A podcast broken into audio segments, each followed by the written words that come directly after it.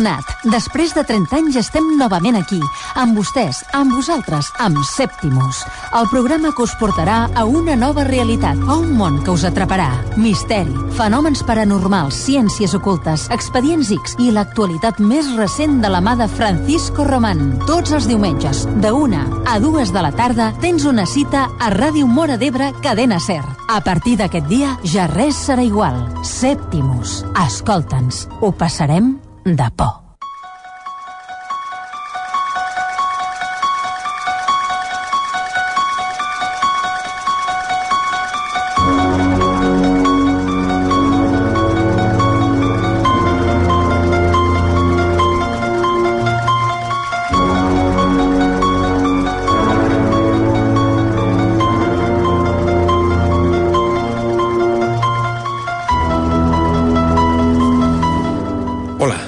bona tarda.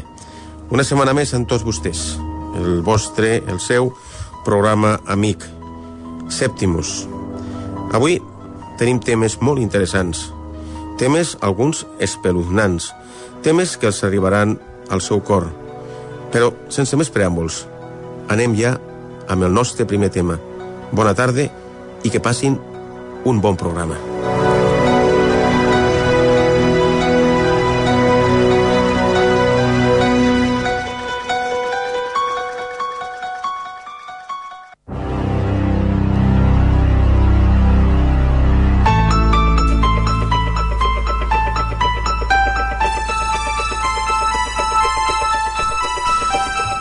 Hi ha fenòmens inexplicables que a vegades no tenen sentit, que a vegades no tenen una explicació lògica.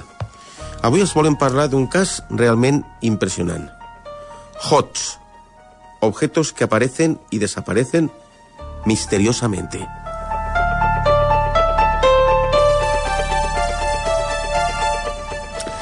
El fenómeno nos ha ocurrido a casi todos.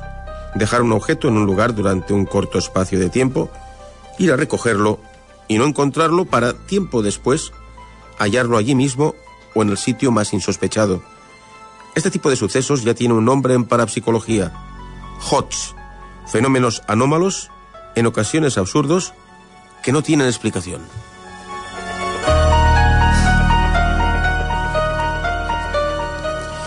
¿Ha tenido usted la experiencia de perder algo que luego ha reaparecido misteriosamente en otro lugar inusual sin que pueda explicar cómo llegó hasta allí? No se preocupe. No padece usted ningún tipo de demencia ni trastorno de la memoria. Lo que pasa es que usted ha sido jodleado, tal y como reza un anuncio aparecido en la publicación británica de Paranormal Review, que busca testimonios de personas que hayan tenido experiencias de este tipo que, no por cotidianas, dejan de parecer paranormales. Veamos una experiencia típica. Usted está a punto de salir de su casa por la mañana y deja su reloj, o las llaves, las gafas, o la tarjeta de crédito sobre la mesa del recibidor, como hace siempre. Va un momento al baño, pero cuando regresa, el reloj, las llaves, las gafas o la tarjeta ha desaparecido. Usted sabe perfectamente que lo ha colocado sobre esa mesa, incluso recuerda la forma que ha adquirido al ser depositado. Además, está solo en casa y nadie ha entrado ni salido en ese intervalo. Pero, como debe marcharse, deja la resolución del problema para después. Por la tarde, nada más llegar a casa, se dedica a buscar el reloj perdido. Busca y busca, y cuando está a punto de renunciar a su intento, usted mismo, o su esposa, o su hija, lo encuentra en la chaqueta que estaba colgada en el ropero, una prenda que no usaba desde hacía mucho tiempo. ¿Cómo ha llegado el reloj hasta allí? Aunque parezca cosa de magia, lo cierto es que este tipo de experiencias es mucho más común de lo que creemos.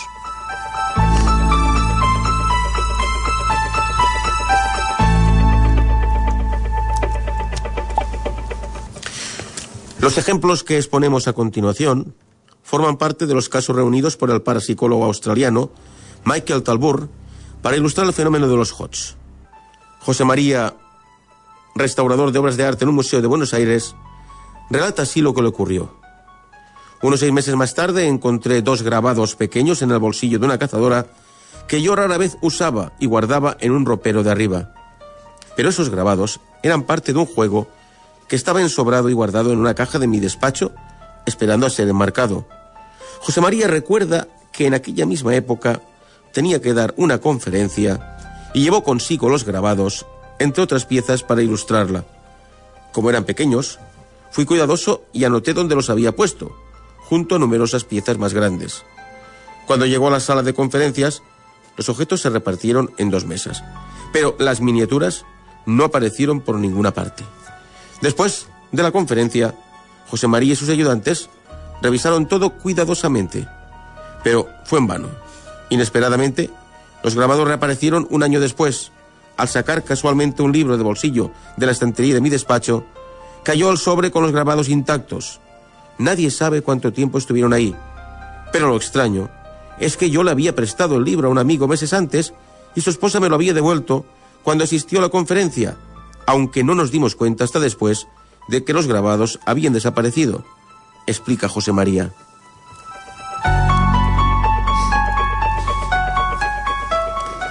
Michael Talbot también refiere otro caso protagonizado por un matrimonio que acostumbraba a pasear a su perro por un bosque cercano al que solían ir en coche. Un día de lluvia, cuando llegaron al bosque decidieron cambiar su calzado normal por unas botas para la lluvia y dejar sus zapatos en el maletero. Sin embargo, cuando regresaron a casa y abrieron la puerta del maletero, comprobaron sorprendidos que los zapatos de la mujer habían desaparecido. A la mañana siguiente, cuando el marido entró en el garaje a primera hora, observó incrédulo que el par de zapatos había reaparecido como por arte de magia. Ahí estaban, recuerda, posados pulcramente, uno lado del otro, sobre el capó del coche.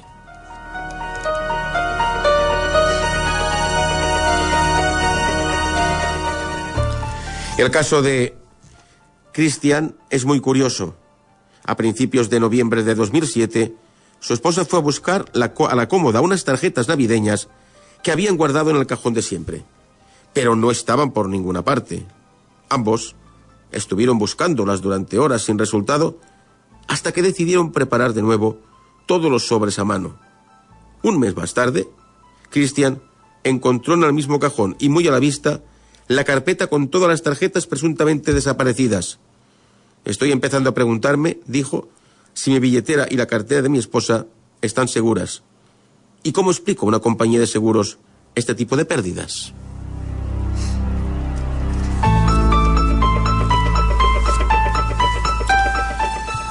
El papel de las emociones en este tipo de sucesos es muy importante. Es posible que exista un tipo de teletransportación desconocido para la ciencia. La intensidad de la emoción puede ejercer una fuerza que interactúe de algún modo con las propiedades del tiempo y el espacio. Una opinión que comparten muchos psiquiatras y muchos parapsicólogos.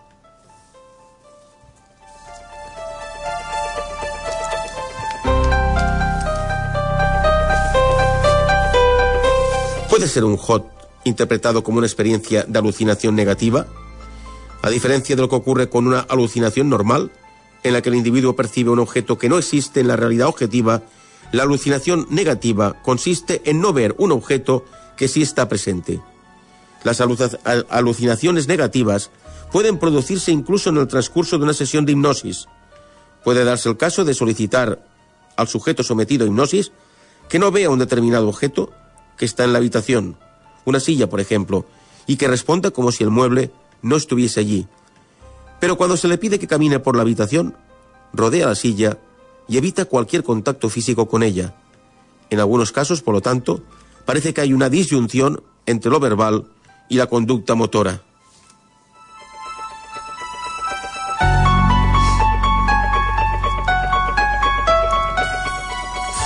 A menudo los HOTS también pueden atribuirse a accidentes domésticos, bromas de otras personas, descuidos, desplazamientos en la evocación de un recuerdo. Por ejemplo, determinada conducta habitual y repetitiva puede fijar en la memoria un falso recuerdo que se asocia automáticamente a la última vez que fue visto el objeto cuando en realidad éste se dejó en otro lugar, e incluso explicaciones fantásticas. Pero cualesquiera que sean las interpretaciones, lo cierto es que el fenómeno está escasamente investigado en parapsicología.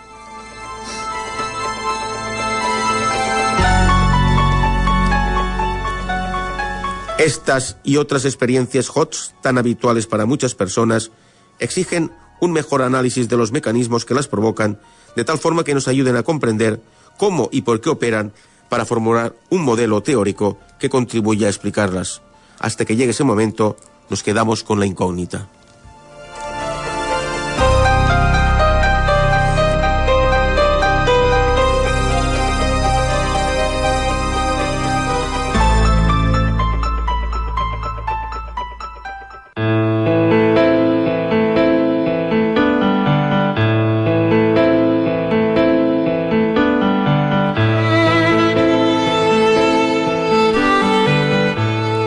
Arriba el temps de parlar del que seria la medicina alternativa. Avui parlarem del creixement personal. Avui parlarem dels somnis. L'article que avui els tenim preparat porta per títol Conócete a través de tus sueños.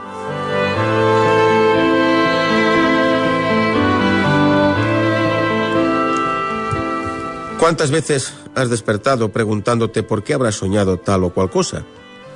Probablemente te habrá pasado que un sueño condicione tu estado emocional durante un día entero o más. Algunas personas son capaces de relatar un sueño que tuvieron hace años debido a su impacto.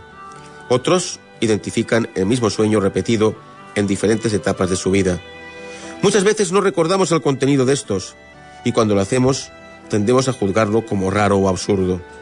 Cuando nos levantamos angustiados después de una pesadilla, queremos olvidarla inmediatamente. A pesar de que los seres humanos dormimos entre un tercio y un cuarto de nuestra vida, no solemos concederle mucha importancia a nuestros sueños. Estamos tan centrados en la actividad diurna que pensamos que dormir solo tiene que ver con el reposo. Es cierto, soñamos de forma involuntaria, pero los sueños esconden un gran tesoro.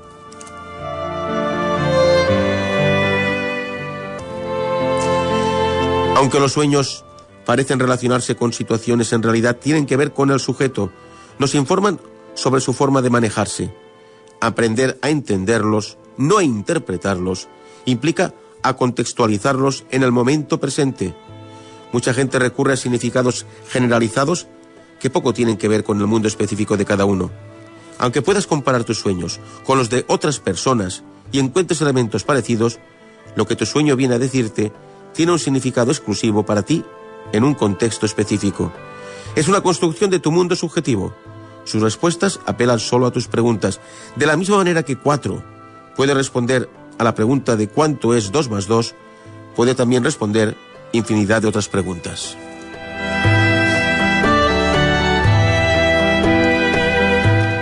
Es importante saber que la mayoría de los sueños no nos hablan de forma directa. En cada uno existen dos niveles de información. El nivel manifiesto genera la imagen onírica, según la que soñamos a un nivel latente, cada elemento apunta a un significado particular. La relación entre los elementos y su comportamiento tiene mucho más que ver con su contenido latente que con el explícito. Sumado a esto, podemos hablar de un tercer nivel, que apunta hacia un sustrato colectivo del inconsciente más primitivo y profundo.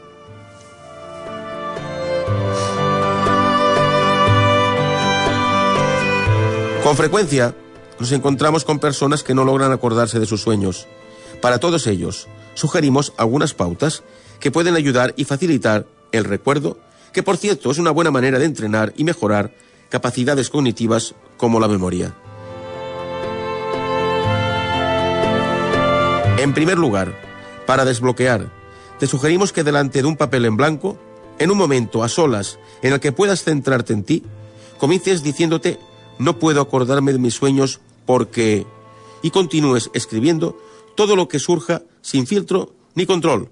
Hazlo sin prestar atención a lo que escribes. Date la libertad para decidir cuándo dar por terminado este paso. Luego, repítelo con la frase, quiero acordarme de mis sueños porque... Este ejercicio te ayudará a desbloquear y encontrar tus resistencias. Pero cuidado, la primera vez que nos planteamos estas cuestiones, Solemos quedarnos en blanco unos minutos. Suele pasar un tiempo hasta que conectas con sensaciones. Puede suceder también que al principio estés muy pendiente de las ideas y todo te suene viejo y conocido. Paciencia.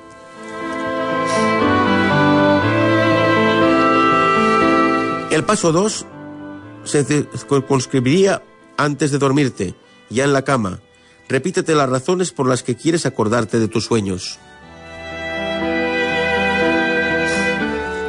El punto 3 vendría dado porque te sugerimos que inicies un diario de sueños.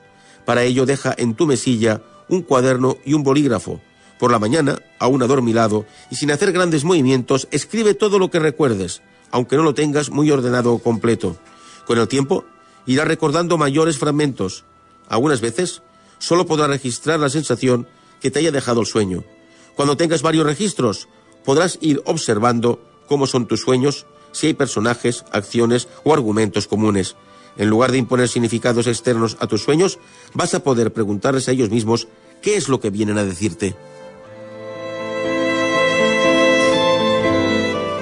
En cuarto lugar, no juzgues ni valores nada de lo que surja en tu sueño. Recuerda que a nivel latente su significado puede distar mucho de lo que aparentan las imágenes a primera vista. Solo con una actitud receptiva podrás abrir la puerta a su significado. Cuando te sientas cómodo con ellos, juega a inventar preguntas para los elementos de tus sueños. No te preocupes por las respuestas. Se trata de abrir un diálogo, no una investigación. Espera y escucha. Te llevarás una sorpresa. Y por último, recuerda que los sueños son fuente de información muy valiosa para conocerte y te ofrecen herramientas para moverte en tu día a día. El trabajo adecuado con los sueños supone siempre un enriquecimiento y una ampliación de tu conciencia. Como muchos otros caminos terapéuticos, se trata de que tengas más recursos a mano para acercarte a tu bienestar. Conocerte a través de tus sueños te ayudará a alcanzar un mayor equilibrio y te orientará hacia tu propio desarrollo. Si quieres conocer más del tema, acércate y mira al sol.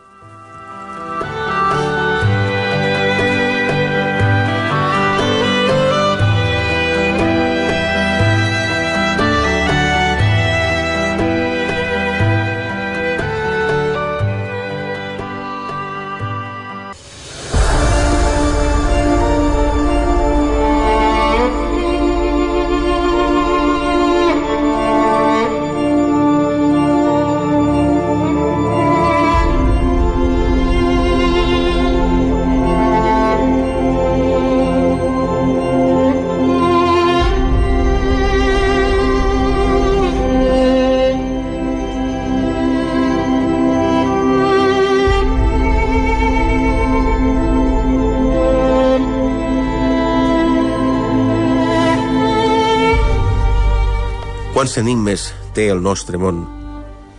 Un dels enigmes més importants, més impactants, és la figura de Jesucrist. La figura de Jesucrist, el líder dels cristians, el líder dels catòlics, sempre ha estat en el cap de mira dels enigmes que ha tingut la humanitat. Un personatge il·lustre, un personatge misteriós, però un líder a fi de comptes. Avui voldríem entrar una mica en lo que va ser la figura de Jesucrist analitzant algo que va portar la nit que va morir.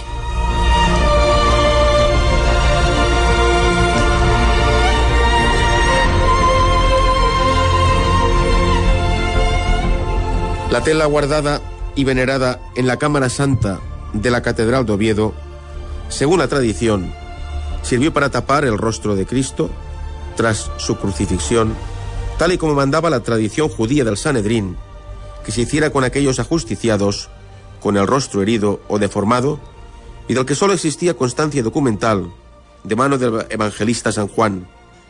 Comenzaba de esta forma una meticulosa búsqueda detectivesca que coordinaron varios profesores, varios catedráticos y algún parapsicólogo para intentar cerciorarse de que el santo sudario de Oviedo era el original, el que había secado el sudor y la sangre de la figura de Jesucristo.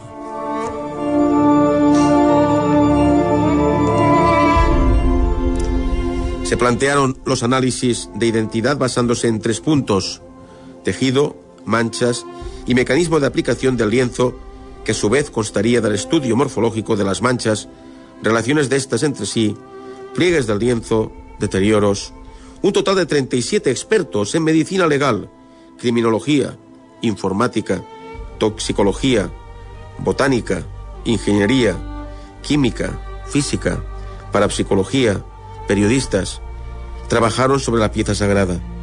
Se emplearon técnicas no destructivas como la fotografía convencional, de reflexión infrarroja, luz ultravioleta, transparencia, iluminación lateral y el tratamiento electrónico de las imágenes. Además, paralelamente se realizaron ensayos espectrográficos con detectores fluorescentes, ultravioletas e infrarrojos y se tomaron muestras por aspiración de la superficie del lienzo que fueron guardados en filtros neutros.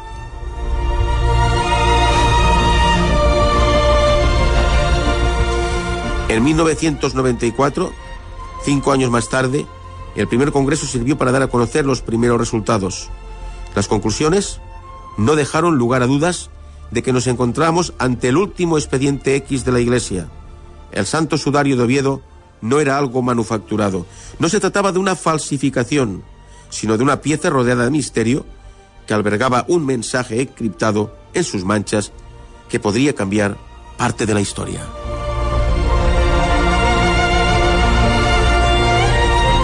Aquel trozo de tela habló a los especialistas de esta forma. El sudario es una reliquia venerada en la Catedral de Oviedo desde la apertura del Arca Santa en 1075 y muestra una serie de manchas originadas por sangre humana, grupo AB, propio de Palestina. Este, este, lienzo está sucio, arrugado, parcialmente roto y quemado, está manchado y tiene un elevado nivel de contaminación, pero no muestra signos de manipulación fraudulenta. Parece ser un lienzo mortuorio que con toda probabilidad estuvo colocado sobre la cabeza del cadáver de un hombre adulto normalmente constituido. El hombre del sudario tenía barba, bigote y pelo largo y recogida en la nuca una especie de coleta. En la zona suboccipital presentaba una serie de heridas punzantes producidas en vida que habían sangrado alrededor de una hora antes de colocar el lienzo mortuorio sobre ellas. Su boca estaba cerrada y la nariz aplastada y desviada hacia la derecha por la presión del lienzo mortuorio. Dicho sujeto era cadáver. El mecanismo de formación de las manchas es incompatible con cualquier posible movimiento respiratorio. El hombre del sudario padeció un gran edema o encharcamiento pulmonar como consecuencia del proceso terminal.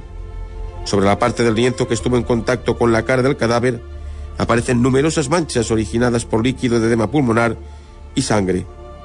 Ocurrida la muerte, el cadáver estuvo en posición vertical en torno a una hora y tenía al menos el brazo derecho levantado y la cabeza flexionada 70 grados hacia adelante y 20 grados a la derecha en relación a la vertical.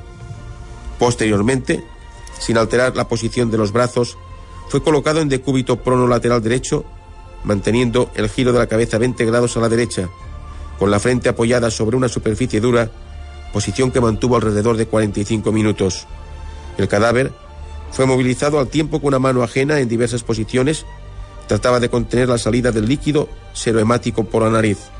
Por último, fue colocado en decúbito supino.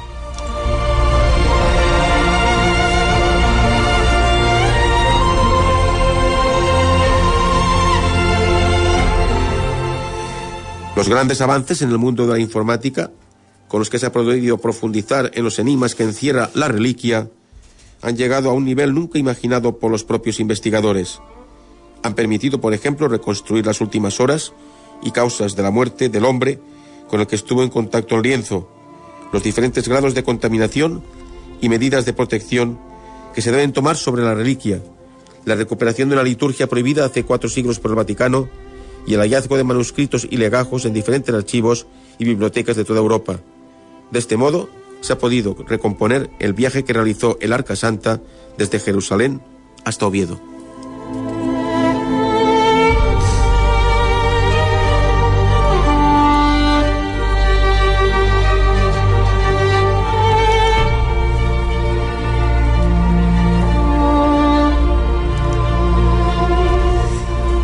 Los grandes avances en el mundo de la informática con los que se ha podido profundizar en los enigmas que alberga la reliquia a un nivel nunca imaginado, así como las más modernas técnicas de análisis microscópicas y moleculares empleadas, han dado resultados sorprendentes. Todas las informaciones, datos cotejados durante estos 12 años, junto a las nuevas pruebas de carbono 14 y la búsqueda de ADN, hacen que nada se oponga a que el sudario, que se guarda y venera en la Cámara Santa de la Catedral de Oviedo, sea el que cubrió el rostro del Nazareno. Si el sudario de Oviedo no es el de Jesús de Nazaret, explica un ingeniero que participó en las tareas, yo no tengo ni idea de quién pudo ser esta persona, ni en qué condiciones pudo manipularse su cadáver, ni por qué murió, ni nada de nada, ya que no existe otro candidato. Otra cosa muy distinta sería si hubiera varias posibilidades razonablemente identificadas y entonces los procesos de datación, los de análisis y de información nos permitirían decir que tenemos varios para elegir, pero en este caso no hay absolutamente ninguna referencia que no sea al auténtico sudarium. Pero además, el titánico trabajo que sin subvención oficial de ningún tipo llevan aún realizando los investigadores del Centro Español de Sindonología ha convertido sus trabajos en una de las referencias obligadas para el estudio de la sábana santa de Turín. La sábana santa de Turín y el santo sudario envolvieron el mismo cadáver y las telas estuvieron en contacto, tal y como demuestran los trabajos fotográficos comparativos que hasta la fecha se han realizado. La confrontación geométrica de las manchas del sudario de Oviedo y de la sábana santa, así como la simetría que muestran todos los puntos de las mismas, no dejan lugar a dudas de que las telas estuvieron unidas tapando al mismo hombre. Es extremadamente improbable que todas estas coincidencias sean producto del azar. No podemos descartar que se trate de dos individuos distintos, pero es prácticamente improbable. Aunque no dispongamos de certeza absoluta, todo parece indicar que ambos lienzos corresponden al cadáver de Jesús de Nazaret.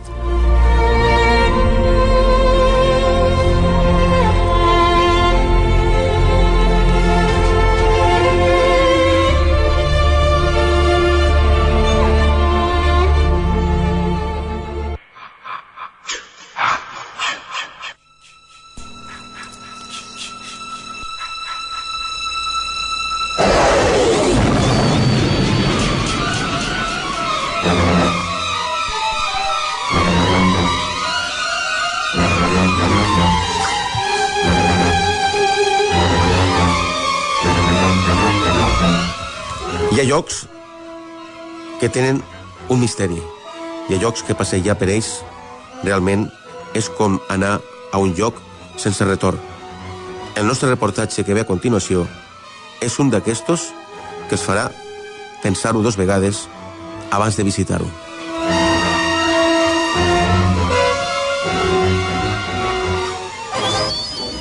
Hablar de la población de Ochate es hacerlo de uno de los lugares con mayor y más variedad de fenomenología paranormal del mundo. No en vano.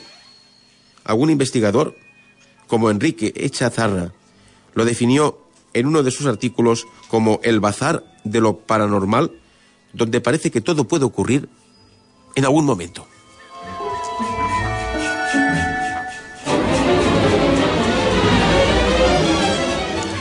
A pesar de que estos sucesos extraños se llevan repitiendo desde tiempos inmemoriales, la fama de pueblo maldito le llegó en la década de 1980. Desde entonces, investigadores y aficionados al misterio han peregrinado al pueblo, convirtiéndolo en el enclave más importante de España relacionado con lo paranormal.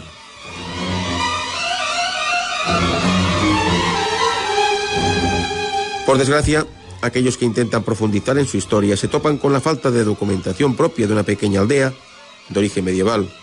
Esto ha llevado en ocasiones a teorías de todo tipo, que con el tiempo se han considerado verdades incontestables pese a la ausencia de base fehaciente. Es lo que ha ocurrido, por ejemplo, con el significado del nombre. Antes de continuar, es necesario hacer una puntualización que permita entender este aspecto. A pesar de pertenecer a la provincia de Burgos, el condado de Treviño que es donde está enclavado Ochate, se encuentra geográficamente en el corazón de Álava. Esto implica que en muchos aspectos, como el lingüístico, la influencia vasca haya predominado sobre la castellana, de ahí que la toponimia se tenga que afrontar en base al idioma de Euskari.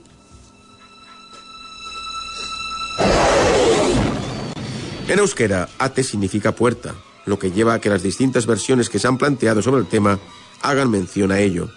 Las más conocidas son Puerta de Lobos o Puerta del Frío, por considerar que el término och podría originarse en las palabras hoz, frío, u ocho, lobo.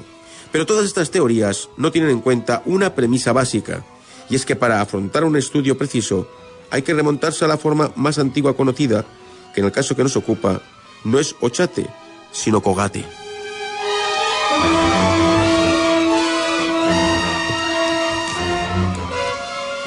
El nombre Cogate podría tener su origen en Goyán o Gora, arriba, puesto que el pueblo se encontraba en la base de una montaña y era paso obligado para quienes se desplazaban del condado a la llanada alavesa. Pero, en mi humilde opinión, hay otra teoría mucho más inquietante y es que signifique simplemente puerta de Gog o lo que es lo mismo, puerta del infierno.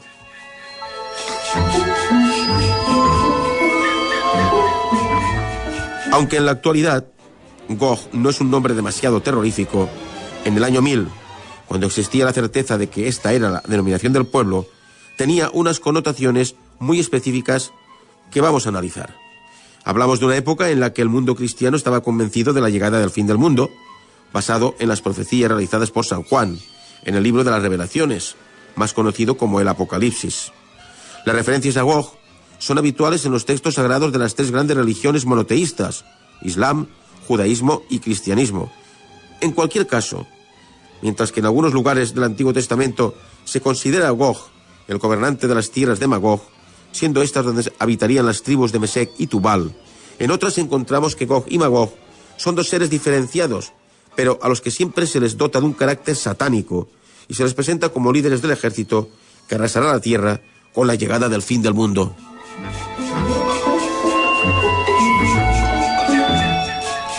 Una vez se entiende el concepto de Gog en aquella época, y aun cuando se pueda considerar que el origen del nombre de Gogate podría ser otro, es indudable que este pueblo afrontó la llegada del año 1000 bajo una denominación que lo definía como una de las puertas del infierno. Era una época en la que pocos sabían leer y por tanto la única autoridad en cuestiones religiosas que existía era el párroco. De ello se aprovechó un clero ávido de poder que bajo la premisa de que la mejor forma de conseguir que la población cumpliera los preceptos marcados por la Iglesia era amenazándolos con el castigo eterno, se dedicaron a inculcar el miedo mediante estos relatos.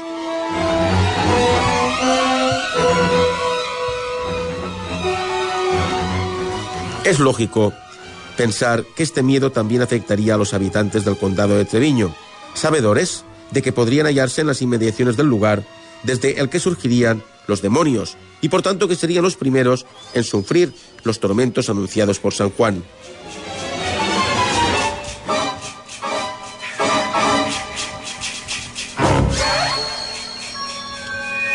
Sin embargo, el propio evangelista, en otro párrafo del Apocalipsis, ofrece una esperanza a la humanidad, y esta llega de la mano del arcángel San Miguel.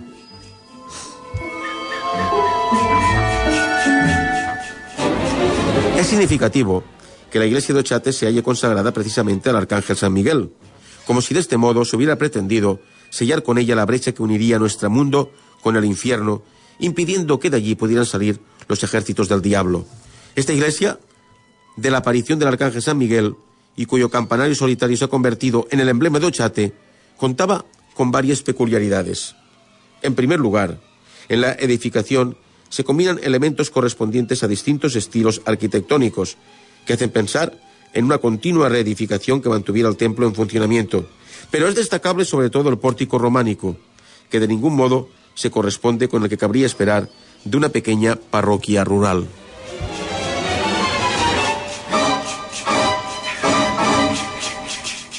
La fortuna ha permitido que esta belleza del medievo haya sobrevivido aunque no en su ubicación original. Todo parece apuntar a que en su momento se llegó a creer que en el lugar donde se ubicó el malogrado pueblo de Ochate existía una puerta al infierno, y por ese motivo se erigió una iglesia para impedir que se abrieran las entrañas de la tierra, dando acceso a Gog y a Magog a nuestro mundo. Esta iglesia ya no está, y por ese motivo el sello no existe. ¿Y si esa es la razón que explica los fenómenos que allí acontecen? Posiblemente no lo sea y las razones de las extrañas experiencias que han vivido muchas personas tengan un origen muy diferente. Pero, aunque hoy en día nos podemos reír de lo que consideramos supersticiones de una época de oscuridad e ignorancia, la sabiduría que tenían nuestros antepasados, según ha ido demostrando el paso del tiempo, debería hacernos reconsiderar lo que sabemos de algunas cuestiones. Si queremos viajar a Oñate, ya sabemos, preparémonos para pasar unas horas, un día o el tiempo que ustedes deseen de verdadero miedo.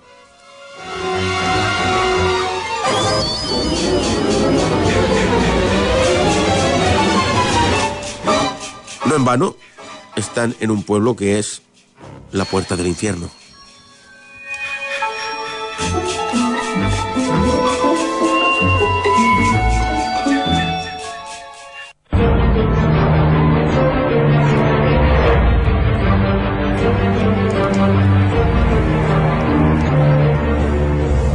I ara anem al nostre apartat setmanal de llibres recomanats. El primer llibre que recomenarem porta per títol Tratado de Demonología. Se han publicado muchos tratados y estudios de demonología cristiana, pero muy pocos o casi ninguno de la influencia de la demonología y las fuerzas del mal en el Islam. Este magnífico ensayo de José Francisco Durán Velasco es uno de ellos. Las figuras demoníacas acompañan al hombre desde que el mundo es mundo. ¿Pero qué entendemos por demoníaco? ¿Hace referencia este término únicamente a entidades sobrenaturales de carácter maléfico? Esta es una obra que versa sobre lo demoníaco en las distintas creencias surgidas principalmente en Oriente Medio, incluidas las tres religiones abrahámicas, Islam, cristianismo y judaísmo. Un libro cautivador. Editorial Almuzara. José Francisco Durán Velasco, Tratado de Demonología.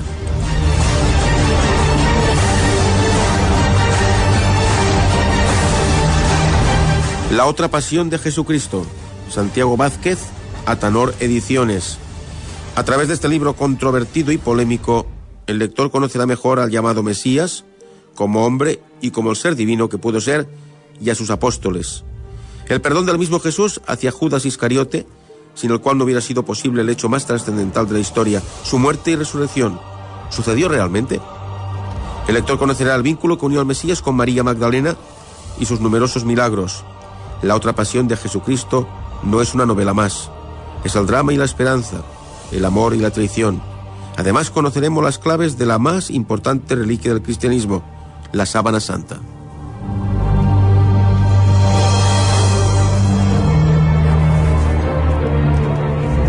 Y por último, Laberintos, de Jaime Buigas Tallón, editorial La Esfera de los Libros.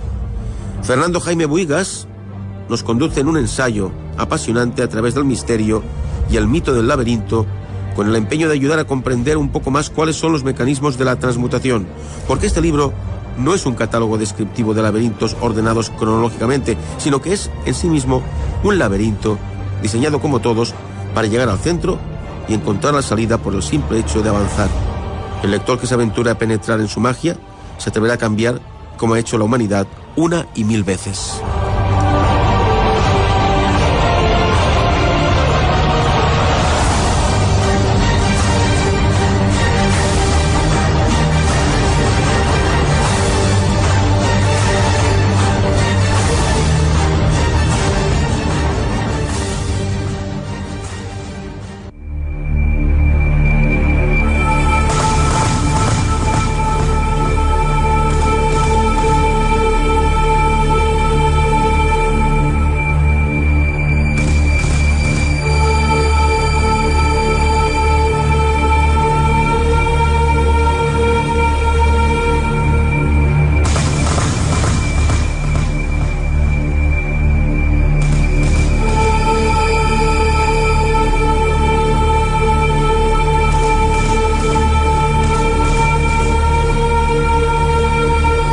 Nostre apartat de notícies d'actualitat.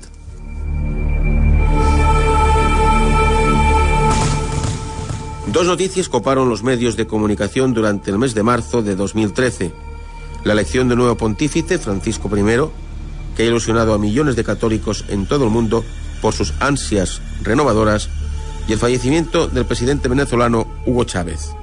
El mandatario dejó este mundo el 5 de marzo y al día siguiente tuvo lugar en Caracas un multitudinario cortejo fúnebre.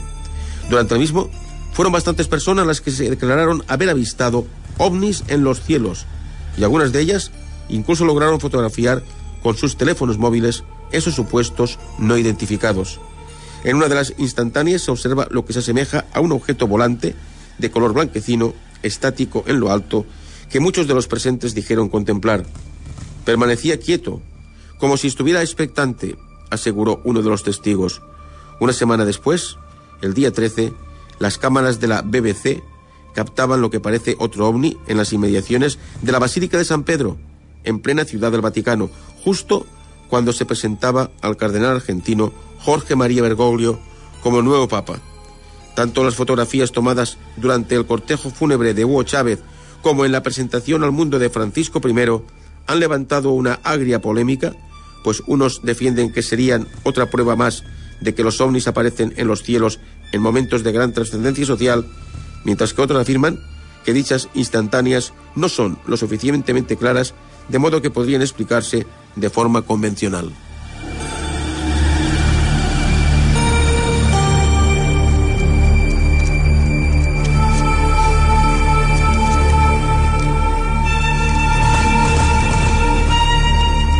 Según informa Discore News, la mandíbula de un individuo que vivió en unas cuevas de Mezzena, al norte de Italia, hace entre 40.000 y 30.000 años, pudo pertenecer a un híbrido entre sapiens y neandertal, contradiciendo análisis anteriores. El estudio al que se refiere, llevado a cabo por el Instituto Francés de Arqueología, sostiene que el sujeto de Mezzena tenía un parecido físico intermedio entre los neandertales, con la mandíbula inferior retraída, y los humanos modernos, que presentan una barbilla prominente, explica Silvana Condemni, antropóloga y directora de la investigación. Obviamente, no se trata solo de especulaciones morfológicas. Condemi y su equipo estudiaron el ADN de los restos óseos, concluyendo que su genoma mitocondrial, esto es, el que se transmite de madres a hijos, es neandertal, lo que demostraría que el sujeto de Metzena es fruto de la relación, probablemente no consentida, entre una mujer neandertal y un hombre sapiens.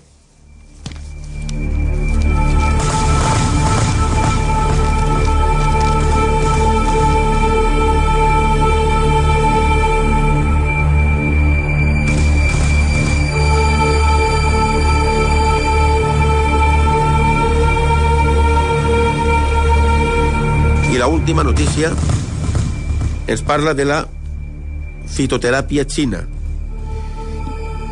llamada Exian, una decocción de seis hierbas chinas, ha demostrado ser eficaz en cuanto a reducir los sofocos menopáusicos, disminuyéndolos hasta en un 62%. Ese ha sido al menos el resultado de una investigación conjunta de la Universidad de Hong Kong y del grupo Hill de Seattle. Esta terapia herbal se baraja como alternativa a la de reemplazo hormonal usada comúnmente. Fitoterapia china contra los sofocos.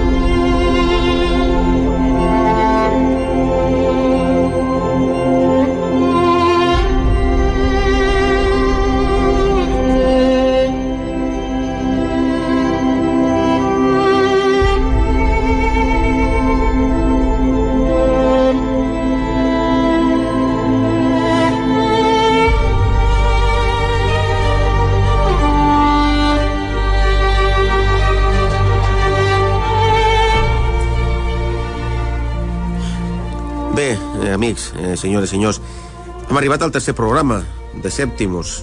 Ens agradaria, pues, fer una valoració per part de vostès que puguen donar la seva opinió. Per això, pues, eh, nosaltres tindrem eh, una possibilitat que seria que ens poguessin enviar un correu electrònic, el meu correu electrònic, froman4 arroba istecamics.cat o bé els telèfons de la ràdio 40 28 31 40 28 18 donant en primer lloc si volen la seva opinió sobre el programa el que troben a faltar el que troben de bo, el que troben de dolent i també molt important poder explicar les seves experiències personals. No dubtin de que seria interessant que ens expliquessin les experiències perquè les portarem a antena, les donarem, i si algú de vostès encara les volguessi donar personalment, podíem intentar de que estiguessin aquí amb nosaltres, en el programa, perquè ens expliquessin, no solament a nosaltres, sinó a tota l'audiència que ens està escoltant, aquesta experiència, aquesta vivència que vostès han estat protagonistes. Seria molt interessant. Faríem un programa obert, un programa participatiu. És el nostre propòsit. Sobretot que vostès ens donguin la seva opinió, la seva versió. També en Facebook, en la, red, en la xarxa social, podran pulsar la seva opinió del programa, també podran enviar-nos la seva opinió entrant en el meu perfil particular de Francisco Román i donant, torno a repetir, explicar el seu cas, el seu, la seva pues, sensació, la seva experiència que hagin viscut, que els hagi passat durant aquests anys a vostès o a alguna persona que vostès puguin conèixer.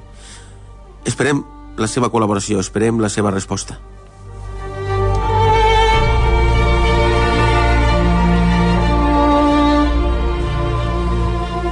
Quins objectius, quin propòsit tenim amb el nostre programa? En primer lloc, saben, els anem informant ja en els programes anteriors de que hi ha previst realitzar una alerta OVNI, un objectiu OVNI. Fa 30 anys vam realitzar una.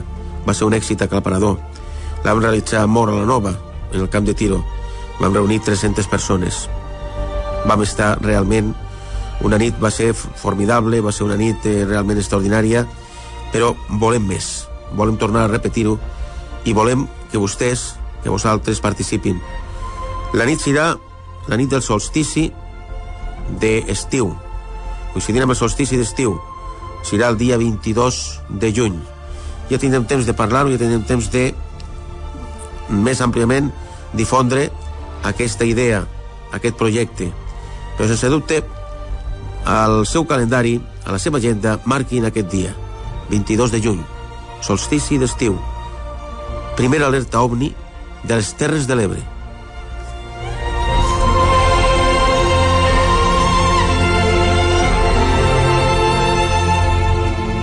Però hi ha altres projectes, hi ha altres projectes i altres idees, com per exemple realitzar una setmana dedicada al món de lo sobrenatural, al món de lo paranormal, al nom de la altra realitat.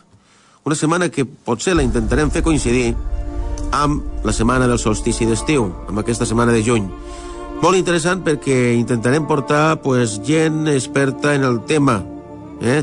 des de parapsicòlegs hasta mèdiums, eh, xerrades, eh, evidències, experiències, sortides, excursions... Tot és un projecte, però suposo que amb l'ajuda de tots, és a dir, de vostès, d'institucions, es podrà portar a terme i fer de que aquest món, el món de lo, de l'altra realitat, el món que no té una explicació lògica, pues, eh, pugui estar més a prop nostre i que tots ens poguéssim sentir protagonistes i que poguéssim tindre'l aquí, amb nosaltres.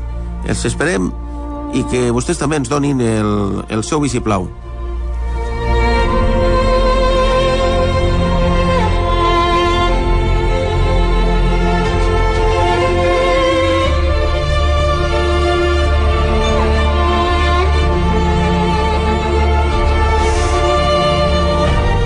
Tornem a repetir, recalcar que esta alerta OVNI que anem dient serà el divendres, divendres 21 de juny, la nit del divendres 21 al dia 22. Tot això ja ho anirem desgranant, ho anirem dient més clar, eh, el lloc, el lloc falta per confirmar, i sobretot aquesta setmana, aquesta setmana del misteri, aquesta setmana del terror que intentem realitzar aquí, a la nostra comarca. Eh? Tot això els tindrem informats detingudament. És un projecte, però un projecte ferm, un projecte que volem tirar endavant, un projecte que, eh, sense dubte, si ho portem a terme, comptarà amb tot el millor de la nostra part i de les persones que ens ajudaran i que seran protagonistes del mateix.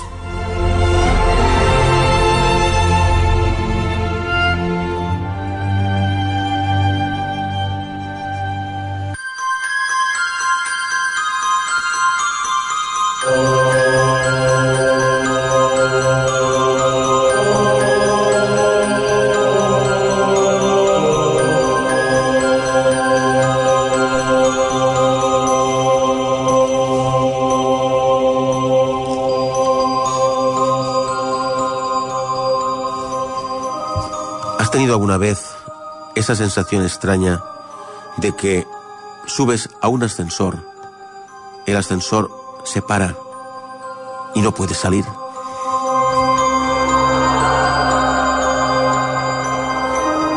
Si no lo has tenido, escucha atentamente porque puede ser la primera vez que te pase, pero también la última.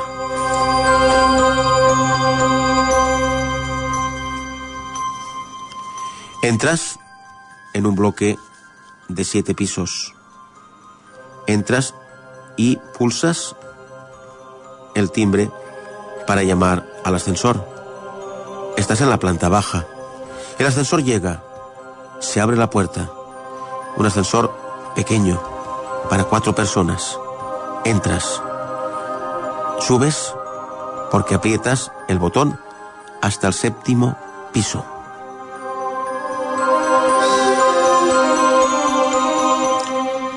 El ascensor va lento. No tiene velocidad. Pero tú no piensas en nada. Procuras no pensar en nada. De hecho, solamente tienes que llegar al séptimo piso porque vas a visitar a unos amigos. Pero, ¿llegarás?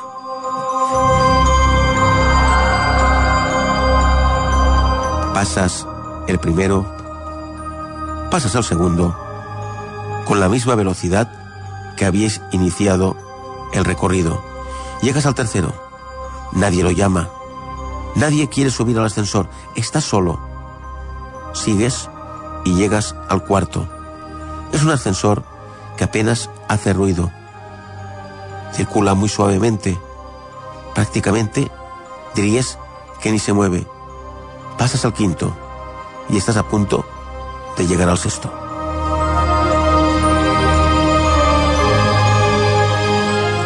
Pasas al sexto.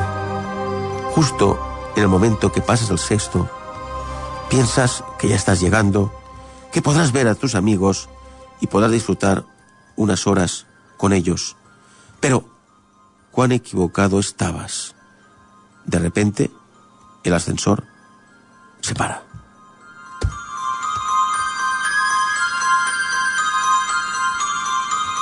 Un sudor frío comienza a correr por tu rostro.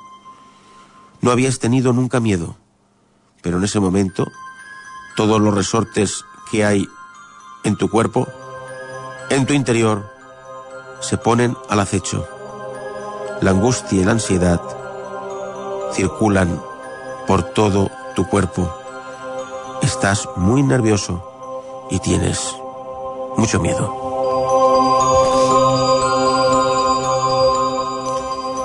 Estás desesperado, sudas abundantemente, estás muy angustiado. Un nudo en la garganta te impide prácticamente tragar la saliva porque se te ha hecho un nudo en el estómago. Estás paralizado por el miedo y comienzas a tener mucho pánico porque el ascensor está parado y no se mueve. Intentas reaccionar, pero no puedes. Estás paralizado por el miedo.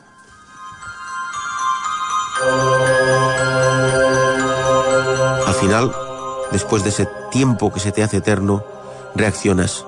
Tocas los botones, tocas la alarma, pero nada. Está todo parado, ha dejado de funcionar. Y al momento, se fue la luz. Se ha quedado todo a oscuras. No tienes ni un triste mechero, porque no fumas. Pero sí guardas en tu interior un pequeño bolígrafo que tiene una pequeña luz. Sacas el bolígrafo y la pequeña luz e iluminas el interior del ascensor buscando un escape, buscando una salida. Buscas la alarma, no la encuentras. En eso, el bolígrafo te cae al suelo. Ya no puedes más. Estás desesperado. Te estás derrumbando por momentos. El sudor corre por todo tu cuerpo. La angustia, la desesperación se hace mella en ti. Y piensas por momentos en que todo se ha acabado, todo ha finalizado, te derrumbas, caes estrepitosamente al suelo, ya no puedes más. Tienes angustia, tienes desesperación, te falta el aire, te falta la respiración. Comienzas a respirar mal, jadeando. Quieres ya que todo se acabe.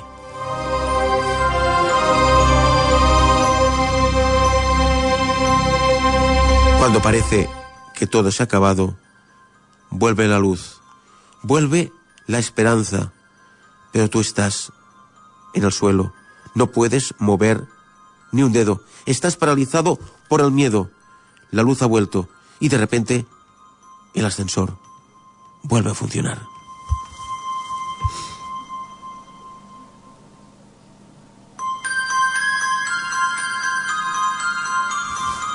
Va muy lentamente.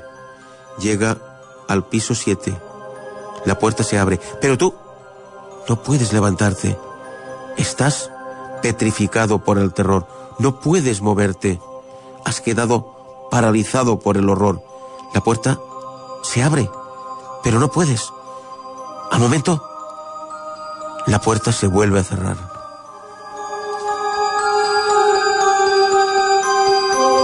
Y el ascensor emprende una veloz bajada hasta lo que podría ser el infierno. Piso 6, piso 5, 4, 3, 2. Por fin, planta baja, se para, se vuelve a abrir la puerta. Y allí delante ves la salvación. Una pareja está a punto de entrar. Intentas decirles que estás allí, muerto de miedo, pero la pareja no se da cuenta siquiera que estás. Intentas decírselo, pero no puedes hablar. La pareja sigue hablando animosamente. Parece que va a entrar, pero no. Siguen allí. Y la puerta se cierra nuevamente.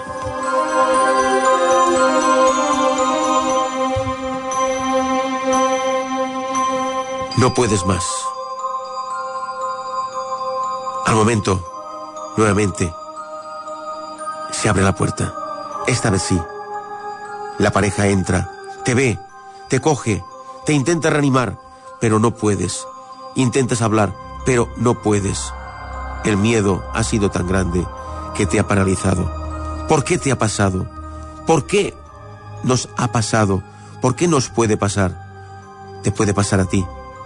Nos puede pasar a nosotros. Claro que sí. El ascensor.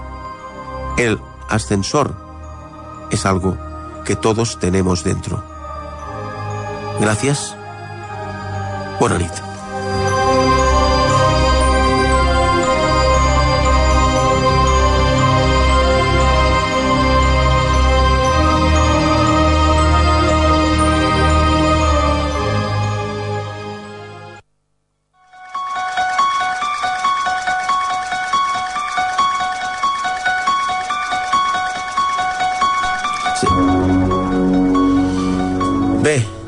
Senyores, senyors, amics, hem arribat al final. Esperem que Sèptimus hagi estat del seu agrat. Ens tornem a trobar, Déu mediant, la setmana propera, el proper diumenge. I contarem amb una invitat especial, la nostra companya d'aquí de Ser Ràdio Mora d'Ebre, Rosa Maria Hernández. Ens parlarà d'alguns temes també d'actualitat relacionat amb el nostre món, el nostre món de lo, de lo irreal, el món de Sèptimus.